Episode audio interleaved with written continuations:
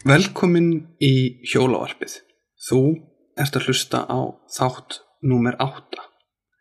Óhjólandi grísir.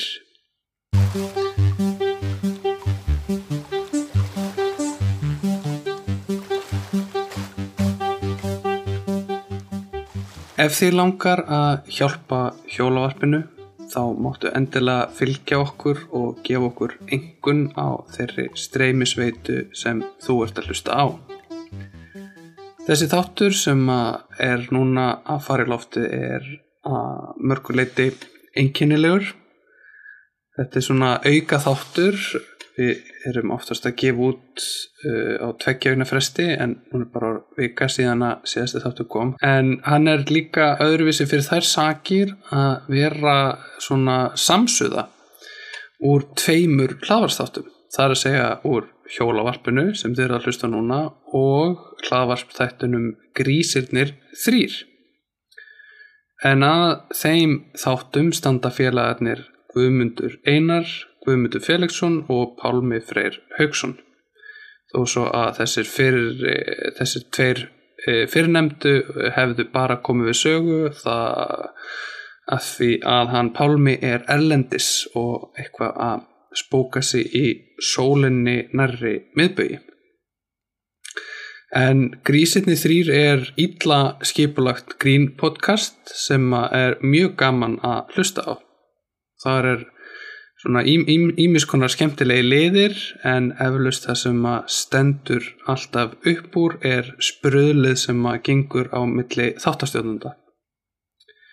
Ég hef þekkt þetta stjórnundur grísana í eitthvað tíma eflust kynntist ég þeim best þegar ég sjálfur var hluti af síningarhóp Improv Ísland. Ég mæli eindrið með þessum þáttum, mjög gaman að hlusta á þá ruggla hver í öðrum. Eh, en þeir gefa út þætti í hverju viku þannig að endilega kíkið á það. En ég vona að þið eh, njóti þessa þáttar. Eh, gjöru svo vel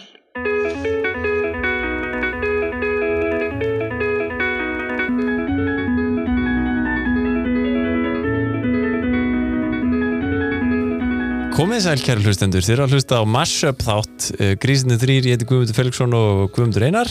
Er Yeah. með mér? Yeah. og uh, nú erum við að gera sko Mashup Grísinu þrýr X uh, hjólavarpið uh, og Búi Bjarmar Aðarsteinsson er með okkur. Já, Búi. komið sælir aftur kæri hlustendur og velkomin í hjólavarpið.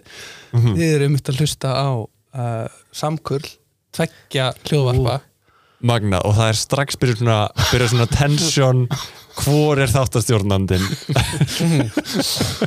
Já, ég er reyna að stýra Já, og ég er reyna að bjóða þið velkomin sem gest Búi. Takk.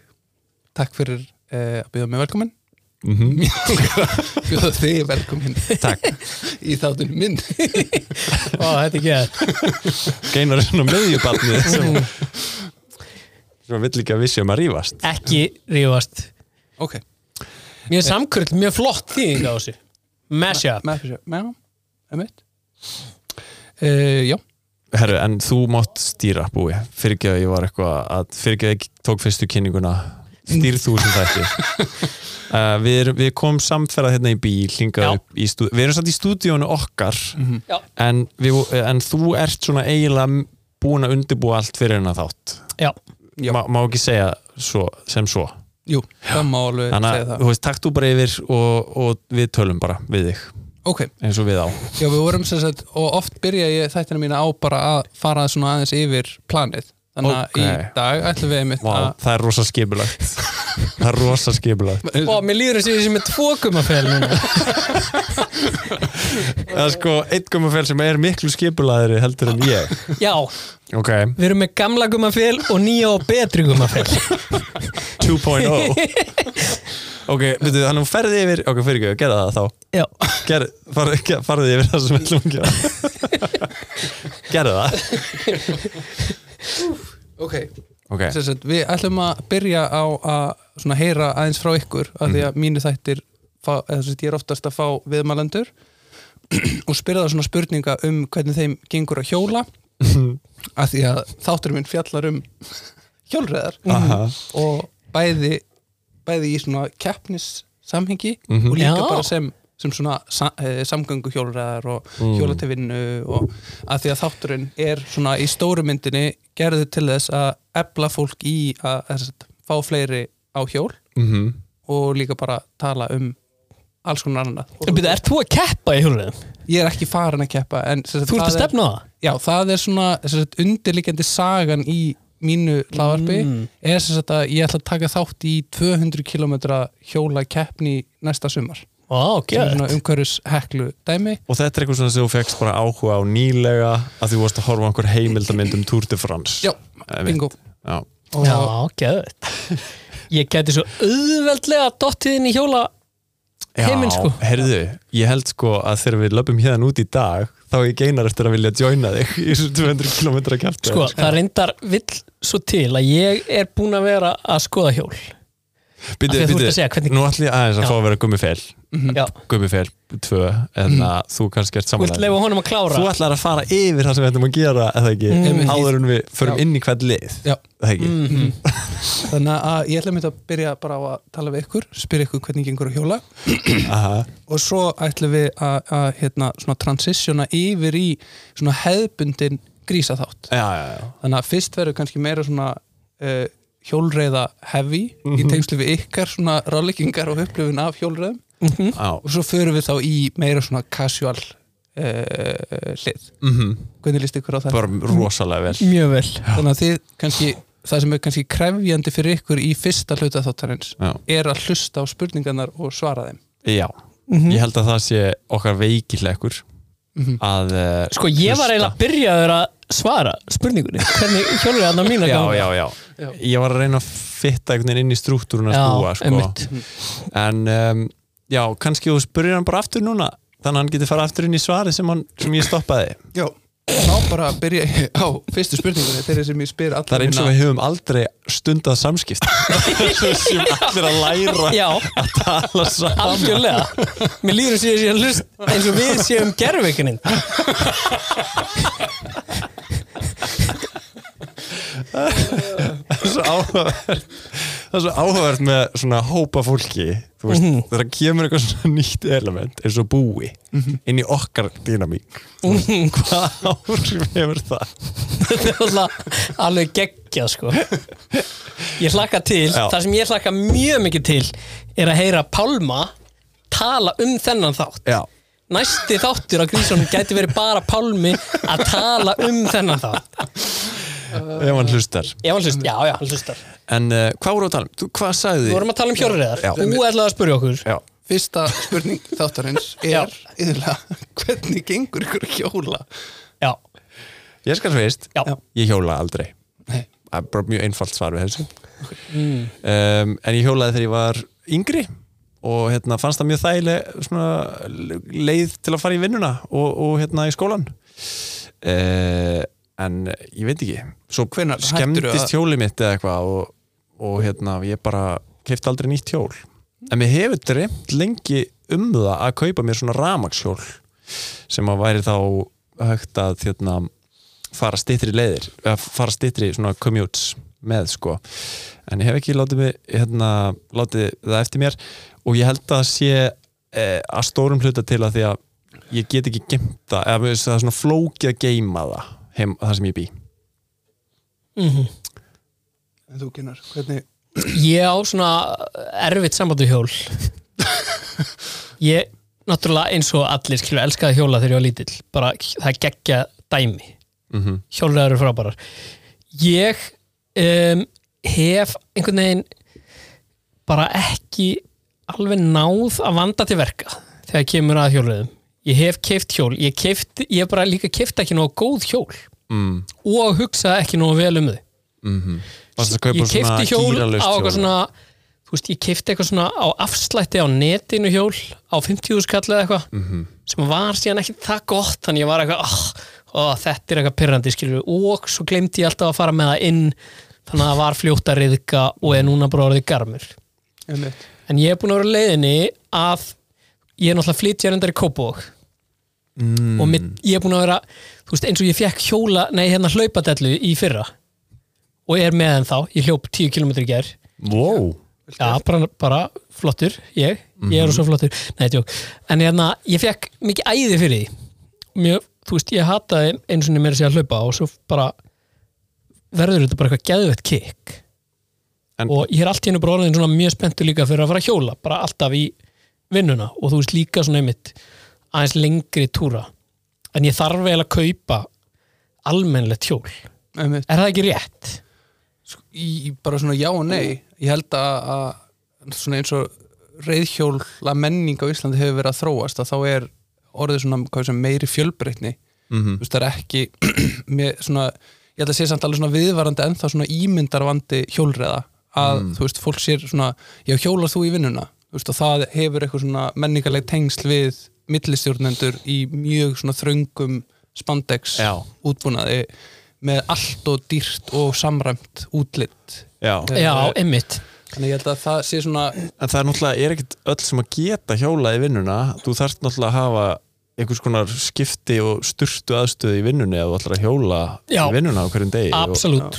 Eins og, kannski þessi, eins og þessi ramaksjól hafa svona aðeins verið að breyta því mm þá getur þú svona minkað ákjæðina sem þú ert að hjóla á sko. Mhm. En þau eru náttúrulega þá dýrari fyrir vikið og, og eitthvað svona. St- stór svona ákvörðun svona, svona fjármála svona eh, fjölskyldufundur Já, ákvörðun sko. Já, Já, en þetta er samt alveg, þú veist sérstaklega þegar fólk er með tvo bíla og svona, Mhm. þú veist þá er þetta náttúrulega eitthvað svona töluvert minni þú veist, ef að annar aðilinn getur verið á ramasjóli, skilur við eitthvað svona. Já, einmitt.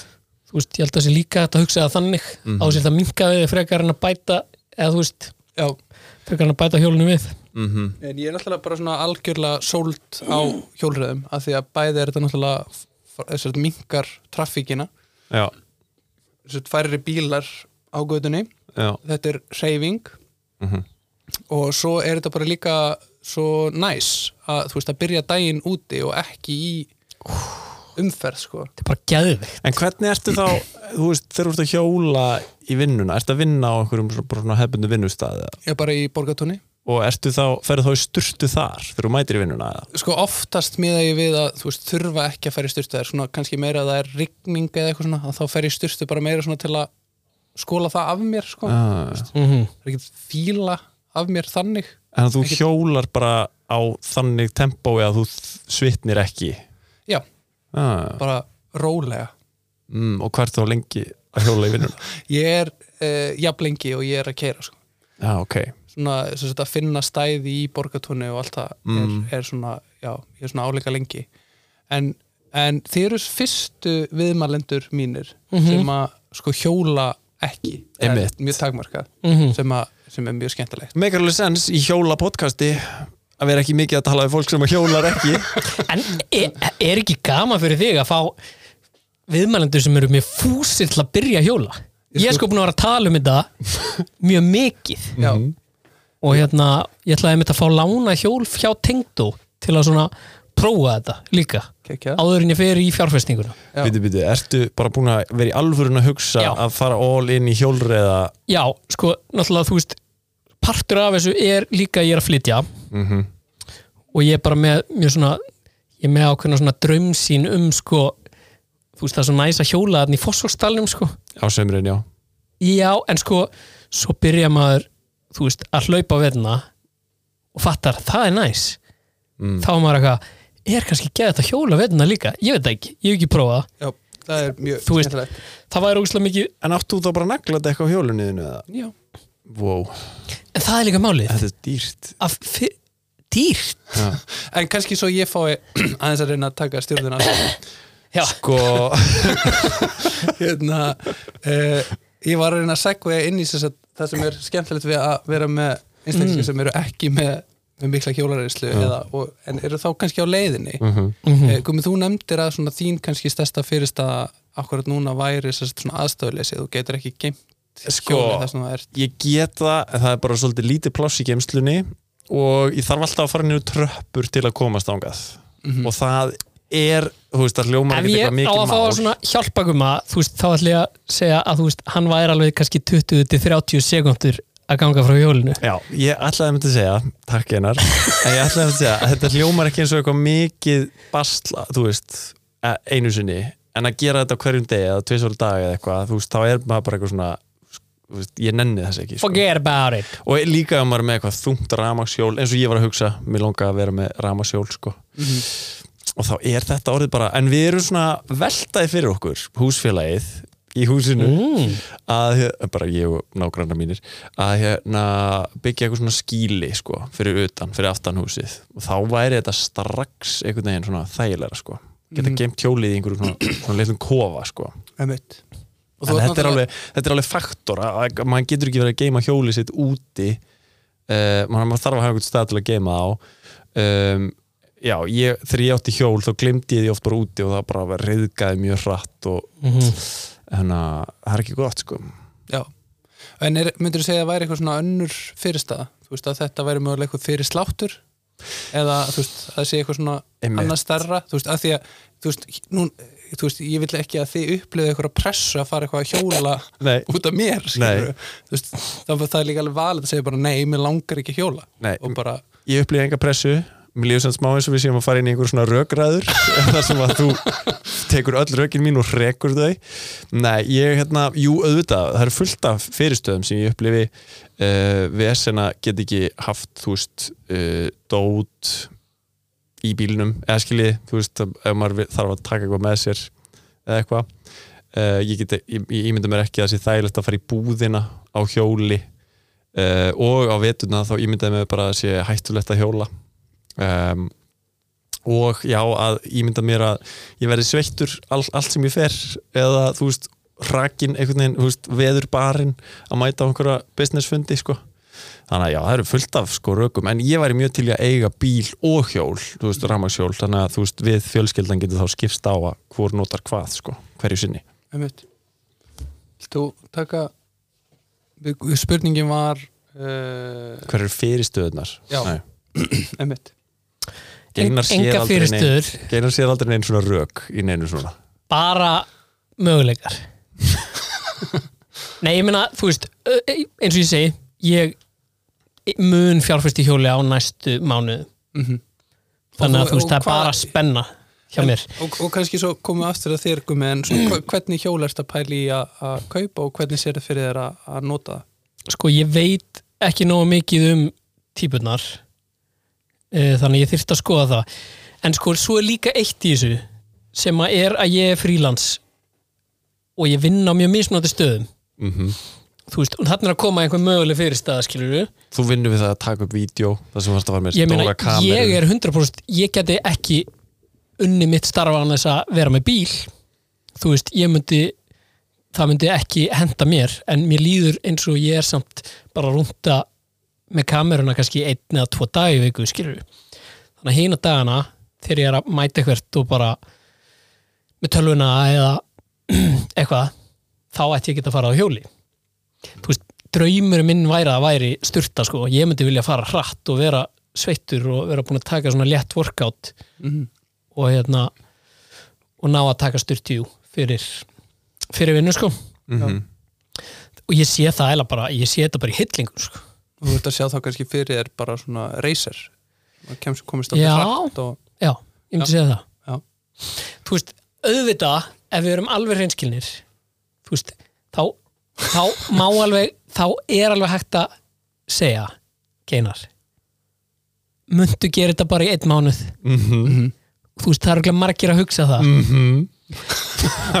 Ég sagði þetta svo hátt. Já, En og, og að þú veist, ég skil það Já. Og það eina sem ég get sagt er bara, ég veit það ekki. Það verður bara í ljós. En þessin er svo sniðut sem þú ætlaði að gera. Var ekki að fá lána hjá tengdum? jú, jú, Já. það er svona fyrsta. En síðan er þetta, þú veist mér finnst það líka bara, svo bara tekum maður áhættuna kannski líka, mm. eða þú veist. Ég tók áhættun og kefti mér hálsáskort í sund. Aldrei er búin að tapa á því maður. Uh, Ég er ekki búin að fara. Ég held að sundferðin kosti mig kannski fjögur skallið eða eitthvað Það er bara alveg, fjárfesting í innviðum Reykjavík borgar já, Vá. takk. Já. Ég, mynd, ég til dæmis myndi alltaf vera með sundkort. Ég kefti náttúrulega sundkort í ágúst eða eitthvað, svona síðsumars þegar það var stemning Mm. fyrir því að fara í sund.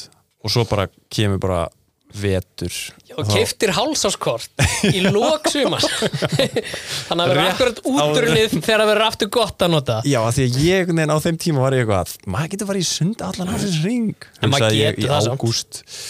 Já, já, sko, svo hitt í hérna, þessum þáttum sem ég er líka velta fyrir mér er bara svona almenn reyfing já, Já, uh, hvernig gengur ykkur að reyfi ykkur? já það, þetta sund dæmi mitt er, mjög gott dæmi um það. Mhm. uh, ég dett stundum í svona eitthvað nú ætla ég að byrja að synda og gera það í svona tvær vikur og svo bara gleym, eða svo fer það ekki inn í rútínuna einhvern veginn og ég bara nenni því ekki sko. Um, ég er hrikalegur þegar kemur að þessu sko. Mér gengur bara fínt. Ok, Hva, og, það ertu sko- mest í þessum hlaupum? Já, þú veist, þegar þegar, ég myndi segja topp þegar ég er í toppstandi þá er ég að hlaupa kannski hlaupa og lifta. En svo á ég til að detta bara í annarkvort. Mm svo núna er ég, þú veist búin að vera frekar duglegur að hlaupa. Þú veist, fara kannski ég veit ekki 15-20 km á viku eða eitthvað sem er ekkert eitthvað rosalegt en alveg bara fínt. Já, um, en ég er ekki búin að vera að lifta skilur, mér langar að bæta því við aftur. Mhm.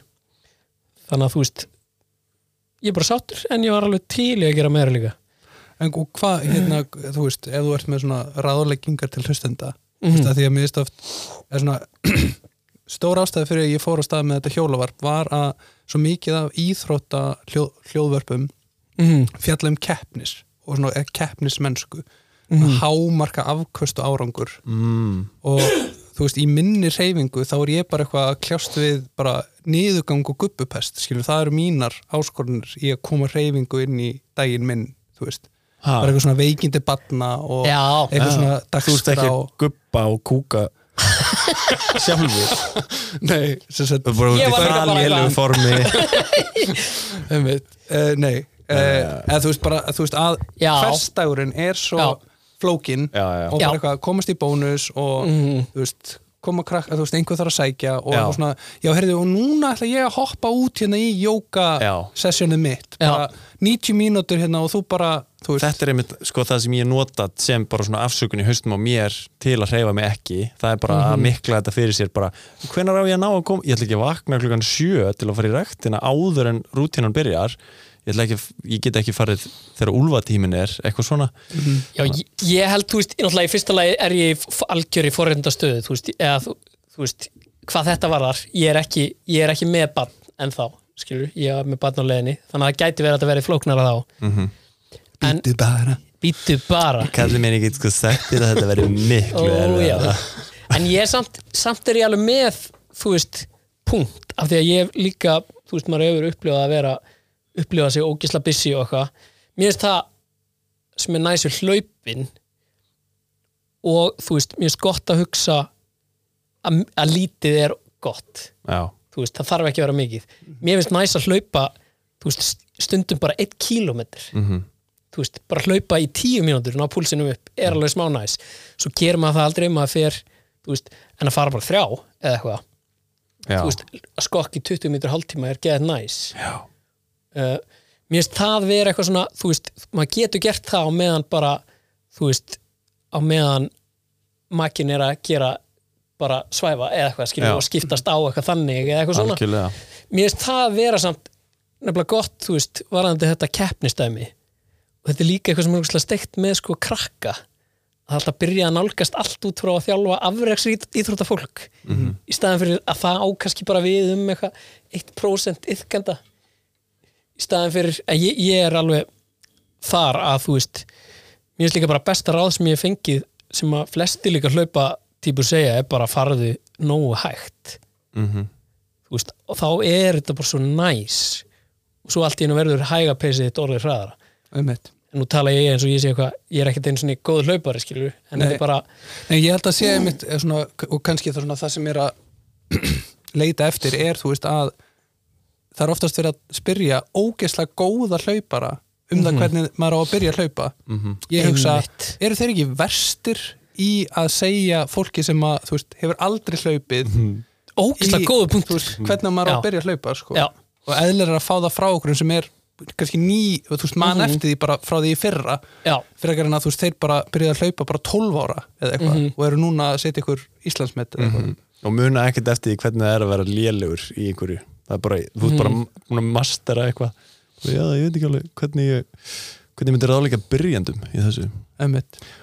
en ég, mér finnst þetta óslega góða punktu með tímalengdina líka því að það er gett fast í hausnum á mér eða fast í hausnum á mörgum að þú veist, þú fer í rektina og það er bara tveggja tíma mission. Eða, þú Absolutt. veist, þú bara þarft að einhverja- klukkutíminni. Og Svo er að koma ánga styrta Já.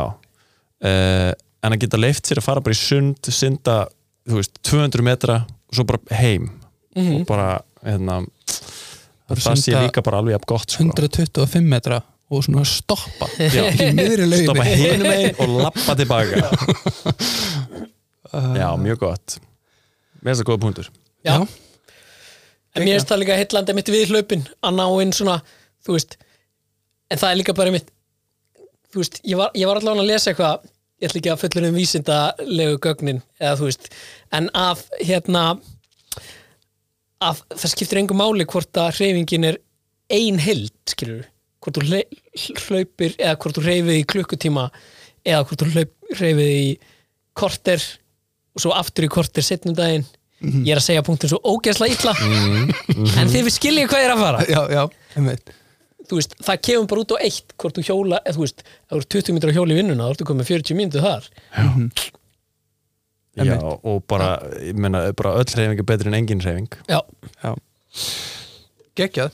Nei, ég, já, já, já, já, já, já, já. segi ég. Sko, það er náttúrulega fyndið að sko, það er svona óvenjulegt fyrir mig að tala að þú sko, að því að það í mínu podcasti, að þá er ég, ger ég mjög svona klaufalegar spurningar og ég er svona lengi að spyrja og svona undirbyggi spurningunum minnar að því ég veit ég mun klippa þær út sko í eftirvinnslinni mm. og þú veist, oftast er það bara viðmælendinu minni sem að heyrist í og ekki í mér sko. Já, ok. Þannig að ég er svona að vanda mig við að vera ekki svona, Við klippum ekki neitt sko. Nei ég veit Vi, það heyrist gummi. annars til dæmis væri allt klift út sem þú segir. Boom! En ég held að við séum alveg svona gætum segmentað. Ég held að hérna Nei, já. Farið í fyrsta segment Já, hvað? segmentað. Já, hérna sko, við erum náttúrulega með alls konar liði í okkar podcasti eins og til dæmis óskrifa reglur. Og mér finnst ókslega gaman að fá að heyra sko, eða tala um og ræða sko, óskrifa reglur í hjólriðum já, eru einhverjar óskrifa reglur þegar kemur að því að hjóla? Búi. Uh, ég held að það eru bæði, náttúrulega bæði skrifaðar og óskrifaðar. Það er kannski áhugaverðast er að það er mjög mikið að skrifa um reglum um hjólreðar sem er ekki farið eftir. Nú, heimitt þannig að það er svona kannski, ok. Ámaður ekki að gefa stefnuljós með rétt út höndina? Jú, eða benda uh, ég veit, ég held að það sé samt ekki í lögum sko, ég held að þú getur ekki fengið sekt fyrir að hafa ekki bent hvert þú ætlar að beigja á Nei, hjóli. Ok. Þú er það þá ekki skilda hjólræðamanna að gefa stefnumerki þegar það er að, þau er að beigja sko, núna bara til að bakdreikja mig ég að segja, jú, það er uh, 100% skilda, ég veit bara ekki hvort það sé bundið í lög að mm. benda hvert maður ætlar að beigja hvort það sé refsivert. Sko það er líka, ég held að þetta sé spurð, sko, það er ekki hægt að skilda fólk til að lifta hendina meðan það er að hjóla. Það eru bara ekki allir færir um það að, já, það, gæti, það er líka bara smá hættulegt í einhverju bíluðu slappi skilju eða lifta annari hendinni stórhættulegt. Stórhættulegt. En, en, nú, en Þið er að hæðast? nei. Nei, nei, nei, ég er ekki að hæðast. Nei, ok. það- ja, þú jú, ég var að hæðast smá en, Já, en í ángrís, ég hef alveg verið aðstæðum þar sem að, ok, kannski er það aðstæðar sem ég á ekki að vera að gera. Á, aðstæðar sem ég er með póka á stýrinu. Mm. þar sem ég er komin úr búðinni eða eitthvað með póka á stýrinu, það er stór hættulegt að gera það. Það er það eru aðstæðar sem ég treysti mér ekki til að gefa stefnumerki með Nei, höndinni, sko. Mér leið samt sko eins og síðast þegar þú hefur átt hjól var, hefur verið barn? Nei, ég Eða- var svona kannski á mentaskóla Ok, já, já. þannig að þú varst alveg að fara með í búðina og mm, Já, kannski er ég að hugsa um eitthvað svona íþróttadót eða eitthvað þannig í skólanum. mjög oft eftir að vera með sundót. Mér finnst hvernig þú sagði mjög ég var náttúrulega næstu því sko, það bara var eitthvað að gerast í hálsunum ég var mjög oft með sundót og íþróttaföt í bónuspoka Já, á hjóli. Á, á svona stýrinu. alltaf á stýrinu já. Já. og nokkru sinnum var það lífsættulegt hafið ekki hafið ekki einhvern tíma lendið í að vera að hjóla bara ógisla hratt bónuspókin festist í framhjólinu og þeir dundrist framfyrir ógeðslega hættulegt sko. Já, ég man líka eftir að vera í barn og horta á þetta gerast og þú veist, og svo í fyrsta, þú veist, að þá svona þú veist, slæsta ég svona Já. já, Mm, ég vona að þetta gerst ekki að halda áfram að gera það sem ég var að gera halda samt áfram og svona vona að bara í, þú veist, já þetta einhvern veginn reddist, sko já, já. En þú veist, núna er fólk náttúrulega með einhverja svona, þú veist, þú ert með einhverja og flotta svona tösku svona aftan á eða eitthvað til að setja dót, dót. uh, bara m- m- með bakpoka Já, þú ert með bakbók. Það voru búið að flotta eitthvað tösku á bakinu eitthvað. Maður hefur nú séð fólk sem er með eitthvað svona, mjög margir, Já, svona með svona hliðar. töskur á hjólunum eins og hestum, svona hliðar hestatöskur ömmut, það er rosalegt. Það er en sko, talandum sko stefnumerki Mhm. nú eru komin svona, svona rafskútur og þær eru með sko svona stefnuljósi bara á hérna stýrinu. Mm Þú veist, það er svona ljós í endanum eru reyðhjóla fólk ekkert að vinna með þetta? eða? nei. Nei, en ég held að sé líka ekki á öllum rafhjólum. Nei, um, er bara svona þetta er kannski svona sóknarfæri. Setja stefnuljós á Fyrir hjól þig? við skilum þetta ekki Já, business. við erum að reyna að hvetja þig til þess að fara að framleiða stefnuljós fyrir reyðhjól. um, já. Uh, já, en þetta er kannski ekki mikið vandamál? Eða þú veist, stefnu stefnu, stefnumerki reyðhjóla fólks uh, nei það, þú veist, ég er náttúrulega kannski að tala meira sem hjólræða manneskja Mhm. uh, oftast er vandamálið að bílar reyna að klessa á mig.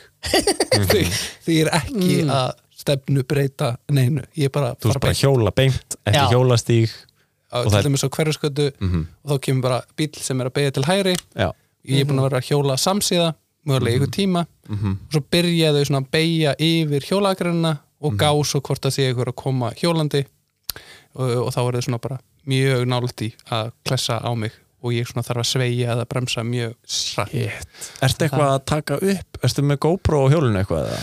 Nei, ég hef ekki lagt, eða þú veist, ég veit, mér finnst svona erfitt svona þannig, Þú myndir ekki Upptökur. konfrontera fólkið. nei og þú veist, og þetta er bara að breytast þú veist, En við er erum alltaf allir svona með mis, mis svona confrontational Við erum allir hérna. mjög átakafælinir myndi ég halda Já, þú en kannski... sko ég já. elska bara svo ég tala um annað. Ég elska sko hérna á Twitter það er svona einhver, einhver maður sem ég manni eitthvað heitir hérna, sem er alltaf að posta einhver svona hjólamyndböndum veistu hvað þetta er? Já, ég veit hvað þú ert að tala um. já.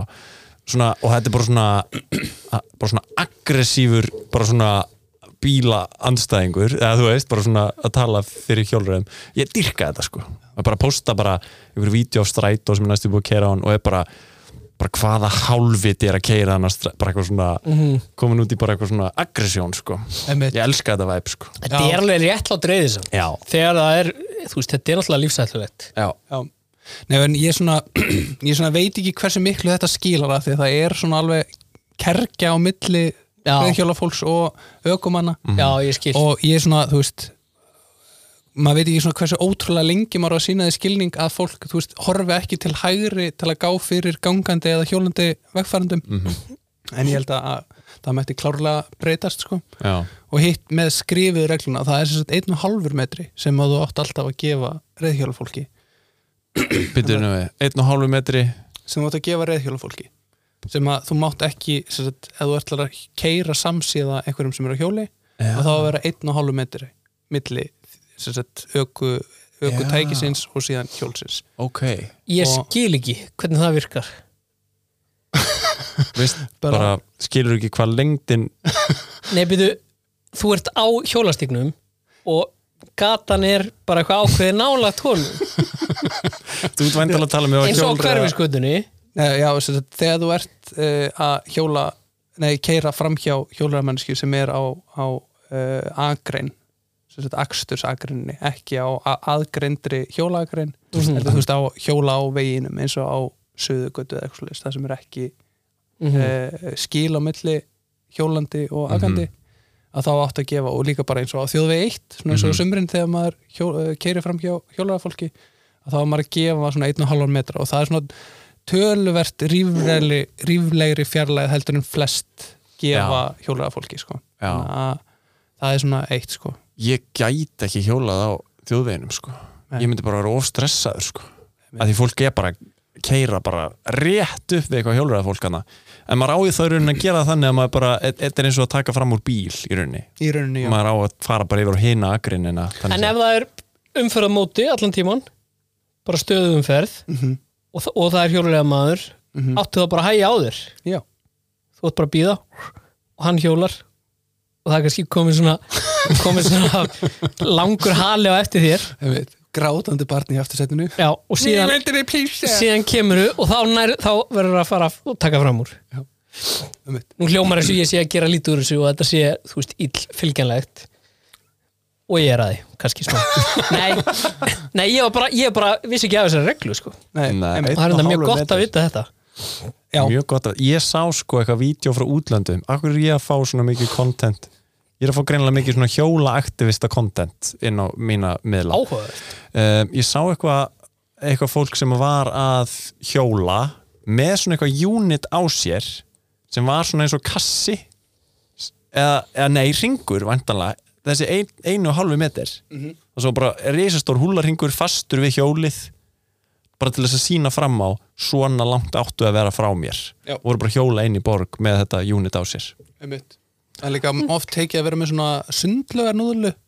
Já, þú veist sem þú festið það við annarkvort sætið eða já bara svona beint út já, í áttina að, að bílunum. Já, til að sína, já, einmitt. Bara, og, og þú veist ekki, ekki til að sína heldur Nei, bara, bara til að vera veist, þá er svona prik út í loftið og aukumenn þú veist þá, þú veist, eru þá já, já, já, já. fjær. Það meika sens já, einmitt. Ég er líka mikið ég líka að fá mikið af myndböndum frá okkur gæði frá New York sem er allt, eða ég held að sé New York sem er bara svona hjóla á hjólastík og gerir í því að hjóla á viljandi bara á hluti sem eru á hjólastíknum þú veist hvort sem það er bíl eða einhver svona einhver svona, já, bara bílar eða eitthvað þannig. Það Og er bara, fyndið, skemmtilegt bara, content. bara er að hjóla bara, bara aggressífli á Einmitt. bara, þú, ert á, mínu svæði hérna Mér finnst geðveitt skrítið samt hvað þú fær mikið með og hvað þú lítinn áhuga á að fara að hjóla. Ég er að bara fatta þetta núna hvað ég er að fá mikið svona gott. Já, algoritmin er náttúrulega ó, hvað segir maður, órannsakanlegur vegir hans Vegir hans, órannsakanlegir. já. en er ég var með óskrifaða reglu. Já, já, hvað með hana. Um, byrju, formatið er bara, ég segja hana mm og svo er hún svona búi, sko, þátturinn okkar er ekki mjög formata þú ert að reyna að setja hann inn í eitthvað format. Það er ekkert format. Já, það er bara, Við ræðum. Við segjum er ég að fara í óskrifaða reglur og svo segi ég bara eitthvað og svo segir strákarnir bara eitthvað skilur. Já, já, þannig að hver er óskrifaða reglan? um, að sko að bjöllur séu eiginlega aldrei notaðar á reyðhjólum ha? ha? þú veist að þú veist ég á hjól og mér dettur ekki í huga að setja bjöllu á hann á reyðhjólið og að, Uh, ok. Nei, þú veist, að, að þú veist þú getur ekki nota veist, ef ég vil- vildi láta einhvern vita í umferðinni, þá var það eiginlega bara öku fólk og ég get ekki bjallað á það En- þú veist, Ok, ég verð fatti, fatti ég, Nei, þú veist, en það skrítið að ætla að vera eitthvað að reyna að, að því að við hjólum lítið. En ég meira sér bara þegar ég er lappandi og lendi í því að það er einhver að fara hægt dæmis tveir túristar og það er þröngt af því að það er ég lendi síðast í þessu bara í dag sko. og þá, nei, að nei, okay, nei, sorry í gær þegar ég var að hlaupa ég held ég hef lent allavega tvisvar í því að komast ekki framhjá einhverjum öðrum gangandi. Og þá þarf maður að vera eitthvað afsakið! Afsakið! Og þetta er eitthvað sem að ég hef líka lent í á svona skútur þannig að ég myndi halda hjóla menn ég, ég er bara eitthvað, vá, hversu geggjar að vera með bjöllu. Já, bara, það er bara stór skrítið að við ekki hafa bjöllu á hjóli við ættum öll að vera með bjöllu allstaðar alltaf bara til að geta bjallað á fólk og... sko, því að mér er svona, þú veist, ég, ég kann að blístra og þú veist, ef ég er í svona mjög akut aðstæðum, þá hef ég einstakar sinnum blístra, þú veist, það er bara svona svona hátt blístur. Já, Já, já. það er ekki allir sem eru góði blýstrar Nei. nei Ok, Ég get þannig að það geti, geti haft svona áhrif. Af því að ég myndi deyja ef ég var í akut og ég þurfti að vera eitthvað já. Síðasta hljóði sem ég myndi gera. Þið vitið að þið eru að flauta.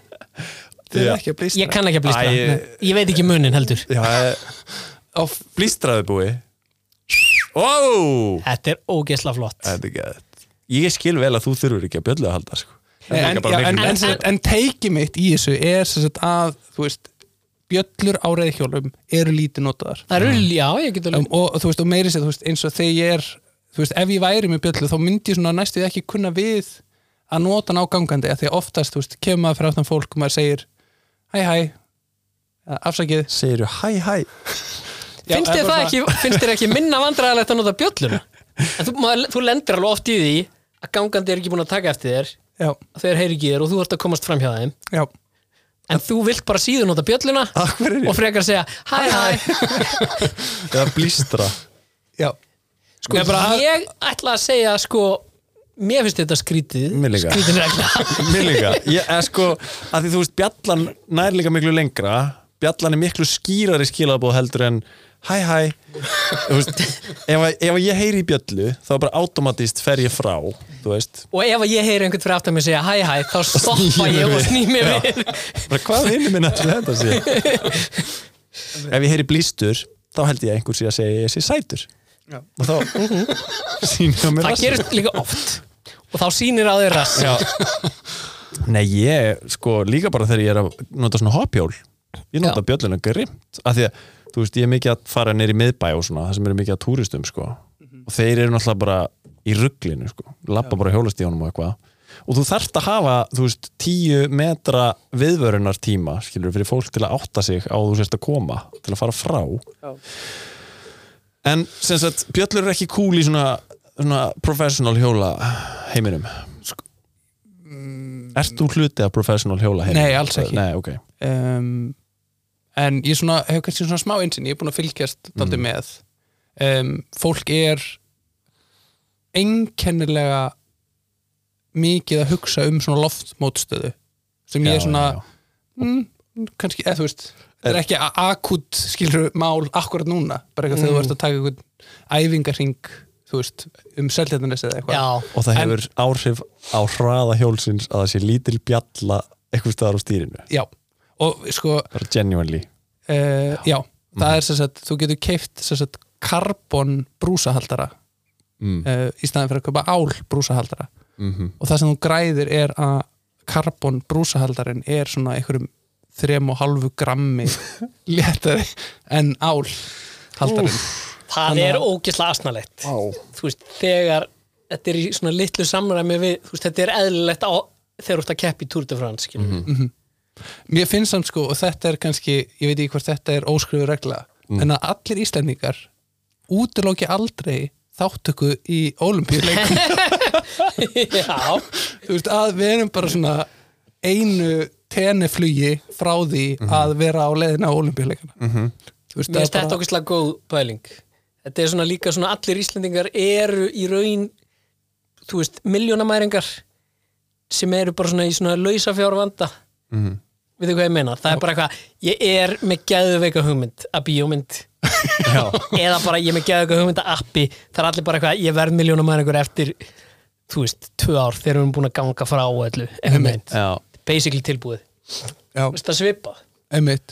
Og líka sérstaklega sko þegar fólk svona byrjar að hreyfa sig. Þú veist það er eitthvað svona að geti já, skilur smá þjóðleikarnir að geti gerst. Já, það er líka úslega stutt í það maður er eitthvað ok, búin að hlaupa 10 km hljóp halvmarathon kannski tekum maður bara svona 200 með, eða þú veist, Ironman eða stu- stutt í að fólk fari í svona uh, mjög svona óraunhæf og háleit markmið. En er ekki flest fólk sem að er gott í íþróttum búið að stunda þessa íþrótt frá barnæsku? eiginlega allir sem eru verða afreiksfólk, já. Já. En þú veist, er, er þetta ekki fólk sem þú ert að tala um bara eitthvað svona sem er of- í einhverju midlife crisis að byrja að hjóla og kaupa sér spandexskalla og og hann er líka búið líka að segja að þau er ekki að fara á olimpíuleikin í alvörunni. Þú varst ekki að segja það?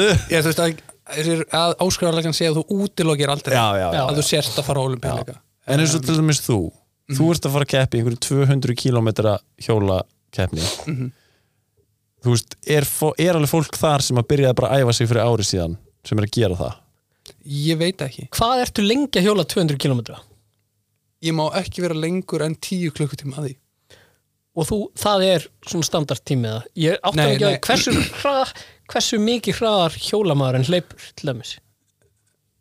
Er, hversu mikið hjólamaðurinn nei, hversu, hversu mikið hraðar hjólarmaður en hleypur, En já, hleypur. já.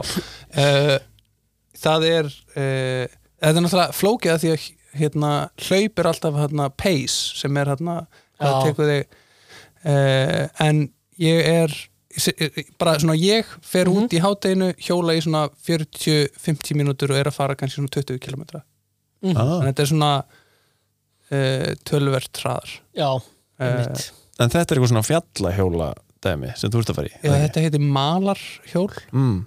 uh, sem er þá svona eins og mitt á mitti fjallahjóls og, og götuhjóls þannig ég er á svona malar uh, vegi og það er Mhm. malarhjól og svo getur þú farið svona fjallastíi og svona utanvega stíi og þá ertu komin á svona fjallahjól misstempuð. Hvar, er, hvar er mótið? það er umhverfis uh, hérna, eða svo lagt að stað frá Kolsvelli og svo fara svona umhverfis heklu. Þetta er crazy. langar að fara með. Genur að fara Genur að fara að joina þig. Nei, ég þarf að vantilega undirbúa mig lengt tölvöld, eða þú veist, þú ert að fara næsta sumar eða ekki? Búi byrjaði Ég- bara í november eða eitthvað. Já. Það ekki? En ef að grísirnir fara með. Getur við farið með en tekið bara svona 70 km 70 km 70 km Það væri geðvett ef að við allir myndum fara að keppa og bara eitthvað fokka okkur upp. Já. Það væri geðvett comedy. En þú þarft að vera í brjálaslega góðu formi til að gera þetta? Um, svona Hjóla. já, já en eða þú veist, þetta er, þetta er svona sem að heitir svona endurance Já, dæmi þannig að þetta snýst meira um eða þú veist, þetta er ekki bara að veist, vera í ógeðslega góðu formi þetta er líka bara að vera með svona hausinn skrúaðan á rétt og bara Er þetta, vera illt í rassinum mjög þetta. lengi. Veist, þetta er svona þetta er kannski tölvöld meira effort en heilt marathón nú bara, Nei, nei, þú veist, þetta er náttúrulega tekur lengri tíma. Gaman fyrir áhörundar að hlusta á svona einhverja getgátur um eitthvað svona. Uh, ég hef ekki hlaupið marathon. Nei, ekki heldur en hvað er að lengsta sem þú hefur hjólað í einu? ég hef hjólað 100 pluss kilometra Og varstu alveg bara dáin eftir það eða? Nei, þá, eða, þú veist, þá, þá er, er, er, svona, er ég að saksa inn og einmitt að hjóla mjög hægt Mm. sem þetta ekki að vera Mhm. á þú veist, nippinu við það sem ég þóli heldur að fara þá svona aðeins Mhm. tempra mig og Þannig að 200 km er alveg á nippinu við það sem þú þólir Eða þú veist, þú myndir bara að vera búin Hann er Í að tala um marga líka daga. nippið bara að þú farir ekki það hratt á byrjir að fara, veist í svona mjólkusýru brennslu. Já, ekki að, já, þannig að maður sé, þú veist eins og þú hjólir ekki eins ógeðslega hratt og þú mögulega getur. Já, já, já. Að því að þú veist, þú ert að hugsa, þú veist, ok, ég þarf að þóla þetta í 6 klukkutíma í viðbót. Já. þannig að Ég skil það alveg. En við langar bara að vita hvað er að lengsta sem þú getur hjólað. Ef þú myndir bara myndir bara hjóla stað núna já, og aldrei hætta að hjóla já, en þá, þá geta hann farið bara þú veist, þá geta hann farið bara ennþá hægar. Já, ég, þá geta hann verið bara að hjóla. Nei, Þú það- getur ekki þurftir hjóla að bara eitthvað 800 km bara ef þú ferð úsla hægt. Eða, þú veist, Getur það? þá þyrftir Já, þú það- myndir ekki ná að balansera ef þú myndir fara það hægt. Þú þyrftir þá að vera með hjálpara dekk. En annars ok, ég held að ég gæti að öllum getum farið bara ef ég færi upp á hjól núna Já, þá kæmist ég 200 km já, um, ekki eitthvað svona gracefully eða neitt þannig og Nei. mér myndi líða ræðilega örgulega og, ka og kannski myndi það ekki gera það á undir 10 tímum eða hvað? Er það eitthvað tæft eða? sko, það sem er flókið við þetta er að þetta er á svona malarstíg Mm. þannig að þú veist, ef ég myndi leggja staðan hérðan uh, og verður bara að fara á Malbygg þá er það svona Ja, þægilegra þannig að Mm. hitt er meira líka bara svona að venjast, þú veist, þetta er svona spangar íþrótt. Þú veist, þú þarfst að vera með góða spöng Þú ert Til að þess tala um bara spöngina hérna spöngina? Þú ert að tala um spöngina? Þú ert að tala um spöngina. Já, þú þarft að vera með góða spöng. Þetta er hann svæðið ég- á milli raskatsins og kynfarna. Mm spöngin. Spöngin. En býtu nú við, þá erum við að tala um ekki þá erum við að tala um þú þarf um spöngin í nei, nei, nei, ég er bara að reyna að skilja þú veist, þú ert að tala um Búi hjóla alltaf upp í þú ert spöng ekki að tala um vöðva eða þú veist, þú ert bara að tala um á, álag já, á spöngina. Já, komið gott sigg á spöngina eða? Ég er eiginlega hættu við að fara með. Nei, þetta er að versta við að hjóla það er bara álægið á uh, já, Ég var búin að gleyma því. Mér var alltaf mjög illt í klófin já, Ó, Það er svo leiðilegt. En- Hafið þið farið í spinning? Af hverju er spinning sæti svona óþægileg? það er sem sagt viltu fá svarið? Ég, ég, vil, ég vil fá Þetta er svarið. samt alveg eins og af hverju er afreiks hjólræða fólk ekki bara með gert þægilega nakk til að setjast á til að kvíla sig? Svo góð pæling. Uh, vil ég heyra á já, Já, ok. Ég, ég, Þú veist ég, hérna ég vona ég hafi rétt fyrir mér en ég, ég er svona 89% viss að þetta er rétt að svarið 89, en, hérna, en þú veist, en í mínum þætti þá þarf ég aldrei að hafa 100% rétt fyrir mér en það er svo bara fact checka ég sjálf á mig í lokin. Já, en, en í okkar þætti þá þurfum við í mestalagi að hafa 50-50 rétt fyrir okkur og við tjekkum aldrei á því uh, ok, en, en þú getur klift þetta þá út bara í þínum þætti. En þetta verður þá alltaf inni? Alltaf í okkar. Uh, ástæðan er þess að svo að uh, þú átt að vera með bróðupartan af þungunum uh, að framann, þess að þú átt að dreifa þingdinni jamt yfir hjólið. Þannig að hendunar eiga liggja þú ert þá að leggjast svona yfir hjólið eins og það hafi hort á Tour de France. Að hjólraða fólkið þar er þess að það situr ekki upprétt á hnaknum þannig að það lætur ekki þingdina liggja á setbeinunum heldur er að láta þingdina liggja svona jamt yfir allt hjólið.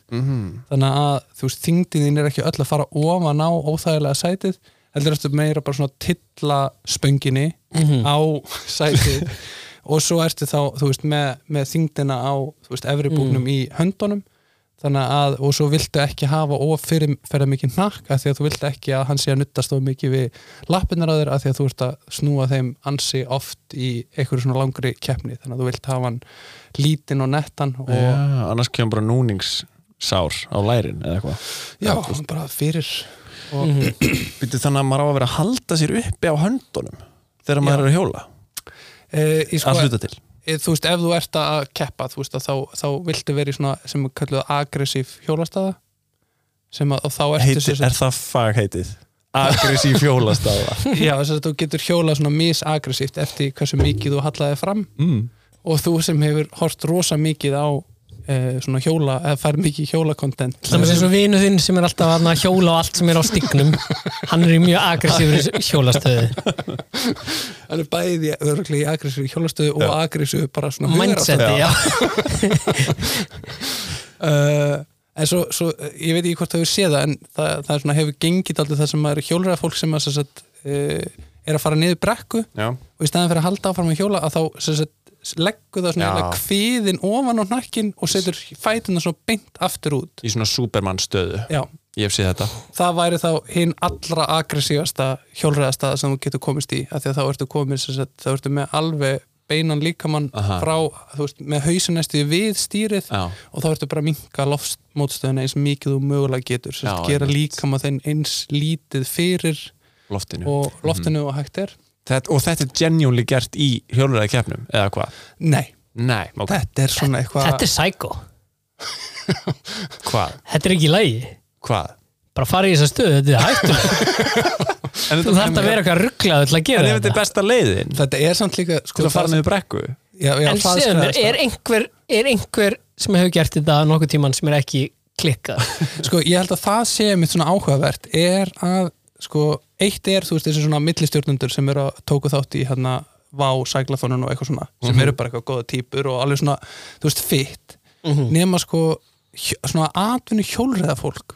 Mér líður svona eins og það sé svona börnin í grunnskóla sem allir voru hrætti við. Svona að því að þau, þú veist, þau bara borðuðu heilan lauk og voru bara eitthvað þú veist, svona, Já, þú veist, svona alveg, þú veist, maður vissi aldrei hvort þau væri bara, þú veist, að því að þú, þú ert basically, þú veist, að hjóla bara ofta á, þú veist, yfir 70 km hraða Já í engu nema bara svona, þú veist, næfur þunnu spandexlægi Já þannig að þú veist, það eru, þú veist, ef þú dettur Þetta er stór hættulegt ef, jú, þú veist, ef þú dettur, þú veist, og þú ert bara eitthvað, þú veist, ég, hafa kannski séð svona, þú veist, það sem að, the peloton, þannig að þvagan, þegar hún dettur, sko Já þú veist, þetta er bara, þú veist, bara einhverjum svona sprungnir hjálmar og bara, þú veist, bara svona kjálkabrót og þú veist, þetta er algjör klessa, sko. Þannig að þetta er pínu svona, þú veist, það level af hjólræðamennsku er alveg svona, dálítið svona skitsó þannig að ég held að, þú veist, svona grunn hugafarið gagvart þessu er pínu svona uh, þú veist, er svona pínu farin gagvart einhverju svona uh, öryggis sjónamiðum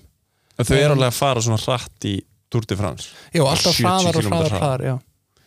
Shit og svo er alltaf sem sagt, svona aggressívara sem sagt, þegar þú ferð nýður brekkunar það er, sem sagt, að, það er alltaf sem sagt, svona, farið stífar og stífar nýður sko. Já, já, já, já. þannig að já. En þú ert ekki að fara svona hratt í þínu dæmi nei, mölin er svona aðeins meira Hvernig, sko. af hverju heldur að hann sé að fara jafn hratt og túr til frans fólki? að því við útilokum aldrei þáttöku í olimpíuleikum hvort fyrir okkur Það eru bestu íþróttamenn í heimi eða ekki? Uh, Maður har alltaf heyrt það. Já, já, Það sé svona eh, líkamlega best. Já, mennur bara af öllum íþróttum bara, ég, Maður hefur heyrt þetta. Ég finnst eins og ég hef heyrt í allar íþróttir sko, Já, og reyndar, reyndar. fólk í rauðningi sé Það reyndar er boccia fólk. Það, Já, það þetta er ekta svona sem maður heyrir. Já, uh, en allir allar íþróttir sé ekki krefjandi á sinn hátt en kannski Laukrétt. eitt sem er við hjólræðarnar sem er satt að ótengt í hversu ótrúlega hættulegt það er að hjóla á svona miklum hraða þá er samt hjólræðar þvert yfir mjög fín reyfing Mhm. þannig að þú veist eins og maður sér ofta þú veist uh, íþróttamenn sem eru í öðrum íþróttum nota hjól mjög mikið í svona recovery Mhm. þú veist maður sér oft þrekhjól við körfuboltavelli Mhm. þú veist Einmitt. þetta er, og það er ekki ástæðarlausu þú veist, svona Mhm. sund og hjólræðar er oft held ég svona svo, þær íþróttir sem Já. það er mælt með sko. En er þetta ekki aðalega fæ- fæturnir, sant? Lærin? Sem þú nýtir. Já, já, og, og, Kórvantalega já, og, og hen- hendurnar það er aldrei svona það sem kom mér á óvart er að, að þú veist, að sérstaklega þú veist eins og þú ert að fara langt og þú veist, og hjólið hristist náttúrulega aldrei mikið eftir því sem að þú veist, eins og þú ert í möl og svona þannig að þetta tekur alveg mjög vel á þú veist, þetta er meira svona eins og svona halda, Já, einmitt, að halda stýrinu á réttum á réttum stað. Já, bara að, sem sagt, að því að þú veist, þú ert að fá náttúrulega öll höggin sem að hjólið fær sko upp í líkamann. Einmitt, um, en geðveitt. erfiðar aðstæður? Já, já. Já, nýr liður. Ég elska búið sem er liðina. Og Let's er go. það ekki Jú, liður? jú erfiðar aðstæður. Þá, vir, hann virkar þá þannig að þú, þú kemur með erfiðar aðstæður Mhm. og við genur um að leika þér eða, eða annar okkar er settur í erfiðu aðstæðunar og hinn á að Þetta er svona spuna. spinna á móti. Uh, já, ok, ok. Virkar það ekki fyrir það sem þú varst búin að plana það uh, Jú, jú. Ok, sko, og þetta er, þetta er svona uh, ég, sko, ég hugsa þetta meira sem svona til umræðu. Já, já, já, En- okay, já, það má líka Það má líka. Það er En engin sko- strúttur þetta er bara uh, þú veist, kannski svona fyrsta sem mann er dættur í hug en ég hugsa að þetta væri alveg svona góður erfiðar aðstöður af því að það eru svona tiltala relevant. Mhm. og það er að þurfa að kúka í hjólakeppni. Mm. um, og, og líka þú veist, þetta væri bara þú veist, eins og með, líka með marathon og eitthvað svona. Mm, Þú veist, Þetta þú er sena sem er auðvöld að leika.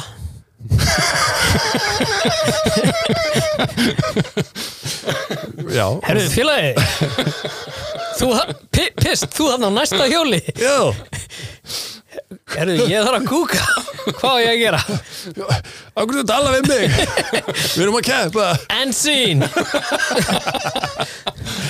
Gekki senna Já, Nei, ég meina Ég held að all, allt íþróttafólk lendi í þessu bara að þurfa að kúka á meðan þú ert í íþróttinniðinni Mhm. þetta er bara hrikalegt. Um, fó, maður hefur nú séð fótboltamenn bara hlaupin í klefa. Og maður hefur ekki séð, ég er að hugsa um einhverja eina klippu sem ég sé bara þetta er náttúrulega væntalega töluvert, þú veist, þeimun lengra sem ferðalagið er, þeimun erfiðar er þetta náttúrulega, þannig að þú veist ef þessar hjólriðar eru tíu tímar eða eitthvað Mhm. þú veist, það eru væntalega ekki margar jafn tímafrekar íþróttagreinar. Nei. Quidditch kannski? Ef þú ert lengi að finna gullnu eldinguna. En, en þá er væntalega einhver galdur Þú getur auðvitað kúka þú getur auðvitað nýtt þetta einhvern veginn í keppnina skilur Þetta komið bara fyrir framann alla. Kúkar einhvern veginn á dekkið. Og, og það spýtist á allar sem eru fyrir aftar skilur mm Þetta getur orðið eitthvað eitthvað sem fólk er að fara að nota. Þetta er eins og eitthvað svona plott í einhverju geggjaðri teiknumynd sko þetta er sko, þú veist þetta er það allra rosalegasta sem Já. að nú er búið að sína okkur mynd af hlaupara sem kúkaði á sig. Já, já, já, já. Æ, en sko málið er um alla fætuna Ég heyrði viðtal af því að það, hef, það er alveg svona það eru nokkra svona myndir sem hafa orðið væral af hlaupurum sem kúka á sig. Og það var viðtal sko í Radiolab podcastinu við hlaupara sem átti mér fræga drullu.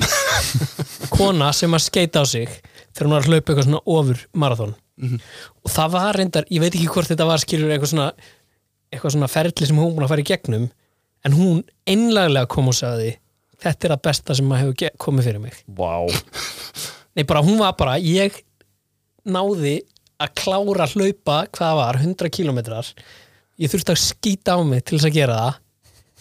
Eftir þetta get ég gert hvað sem er þannig að ég hef alltaf hugsað um þetta þetta er hræðilegt skilur en ég var í alvörinu bara eitthvað, vá, ég ber virðingu fyrir það núna. Hún hefur ekki komið í mark og þetta var það fyrsta sem hún hugsaði sko. ég er, Hún- ég er ekki hún að segja að farið- þetta sé the first thought. Nei, Nei. þetta er mikil sjálfsblekking þarna bakvið já, kannski. En, en samt, sko, ég held að þetta sé líka svo þú veist, þú ert búin að vera að vinna að eitthvað svona styrluðu markmiði, búin að, þú veist ekki mæti í neinar fermingar. Þú veist, bara búin að vera Stór, stóra fórnin. Stóra fórnin sem allt íþróttafólk þarf að Engin færa. bröðréttur Já. ekki bröður eftir, ekkert nammi kannski langa tíma. Engin, e ekkert lítið fransískinni sem er að segja gjöru þið svo vel og halda litla ræði Engin frænka sem segir mannst ekki eftir mér? Já. Einmitt. uh, já, En ég hef einu sinni upplifað það að ég var að hjóla heim til mín og þurfti úrslega mikið að kúka og ég þurfti að hætta hjóla af því það er ekki hægt að hjóla og þurfa að kúka skilji, það er svo mikill hossingur og eitthvað. Mm. þannig ég byrjaði bara að reyða hjólið kúkaði samt á mig. Hvað varstu gaman? ég var, ég var bara bann sko. Kannski tíu ára eða eitthvað þannig. Já. ég var að flýta mér heim, ég var, var svo gaman í fótbolta. Og ég var svona alveg fram á síðustu stundu. Og þú átti ég svona smá hjól eftir heim. Kúka á sig maður, það er erfitt. en ég, kúkaði á mig bara fyrir utan heima að mér sko ég veit að það var alltaf lægi sko. Já, samt næstuði líka verra næstuði já, Sko ég var einn svona að vinna á einhverju þú veist ég var rönnir á einhverju bíómynd. Já, þú veist þannig að ég var alveg örugglega 25 ára eða eitthvað skilur og var hérna og, og var var eitthvað á hjóli. Ég var á bíl. Já. en allavega það var eitthvað sett þarna og þetta var, þú veist, eitthvað svona alveg einhver útlensk mynd, þannig að ég var bara eitthvað að skuttlast að sækja eitthvað dót, eitthvað þarf að kúka á setti það sem eru ógeðslega margir og bara svona tveir kamrar einhvers staðar. Og svo er ég eitthvað, ok, nú kemur tækifærið. Og þá akkurat kemur einhver þú veist, þá er dagurinn að klárast og byrja bara eitthvað að ganga frá k- kamerinu skilur, fara með, ég er eitthvað fuck! Og við vorum svona tvo hérna, tvo tíma frá bænum. Akkur stoppaði ekki bara viðkomandi sem var að ganga frá Herðu, getur þú sleppt kamerun ég ætla að kúki hann, ég kunni ekki við það. Og síðan einhvern veginn sko þurft, það var mjög erfitt að keiri í tvo tíma. Shit, já. að vera svona að, nánast búin að kúka á sig. Og ég gerði eitt sem að ég verð, sem er svona ótrúlega desperate og svona asnalegt sem er að ég var eitthvað hann er að koma. Og ég tók svona dagblað sem var og setti onni nærbúsina mína ef ég myndi Þú þurr ert alveg að grípa hann Já, þannig að hann færi í það frekar En síðan einhvern veginn komst ég heim, skilur, og ég kúkaði ekki á mig. Já, Ég veit ekki, það er eiginlega verra, skilur Þá kem ég heim og er með eitthvað dagblaði í brókinu ég held að það sé alltaf betra samt. Já, já, Be Allur er varin góður. En, en búið ætlaðar að vera með byrju, Þú varst með þrjáliði, sagður við Nei, þú varst með þe þetta? Þú þarft ekki að vera með þrjálið. Nei, nei. Nei. Þ- þ- Það var eftir hermu keppni Já, já, já, einmitt. Vildur þú gera hana eða? Já, mér fannst sko Já, Bara örsnögt, bara örsnögt í lokin Já, já, já, langt. Já við... ég, Geinar hefur mjög gamla eftir hennum kefnum Ekki ég. Ok En þá, þi- þið tveir eru, eru að keppa? Já, Já, svona yfirleitt er það mannskjön sem að stingur upp á eftir hennum sem að þarf ekki að gera þær. Já, já, já, ok. Mhm. En það er þá bara reyðhjól Já, Hver á að byrja? uh, Guðmundur veist, ég veit ekki hvernig maður leikur reyðhjól Bara hljóðin sem koma bara þegar þú ert að hjóla.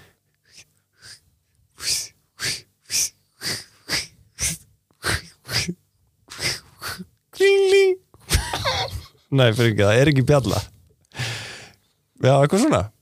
Það var alveg einhver nördi sem var með þetta hjól. Já, Það var að dingla. Þú verður með carbon fiber hjól mm Hvernig hljómar það? Sko mjög ástuð það er alveg fínt Mm. En ok Já, ég er að fara detti í svip á hann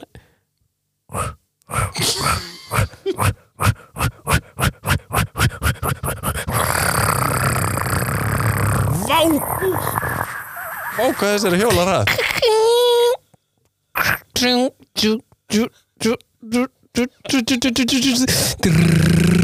Hvað er að gerast núna? Er hjólið að springa? Ég er nú að skilja bara hvað er að koma fyrir hjólið. Þetta er maðurinn. Rautt ljós. Ó, nú er bara, nú ertu að tala bara. Já, nú er aftur að stað. Herru, ég heldur látum þetta vera að loka orðin hérna í dag. Takk kjærlega fyrir að hlusta. Uh, Við erum grísinni þrýr og hjóla varpið. Vildur þú segja hvað að lokum búi? Já, bara takk fyrir að hlusta. Farið varlega í umferðinni. Um að gera Og hérna Og komið heil heim. Einn og hálfu meter. Fylgi okkur á Instagram grísinni þrýr Fylgi búa á Instagram. Hjólavarpið? Takk fyrir að hlusta. Wíú Wíú Wíú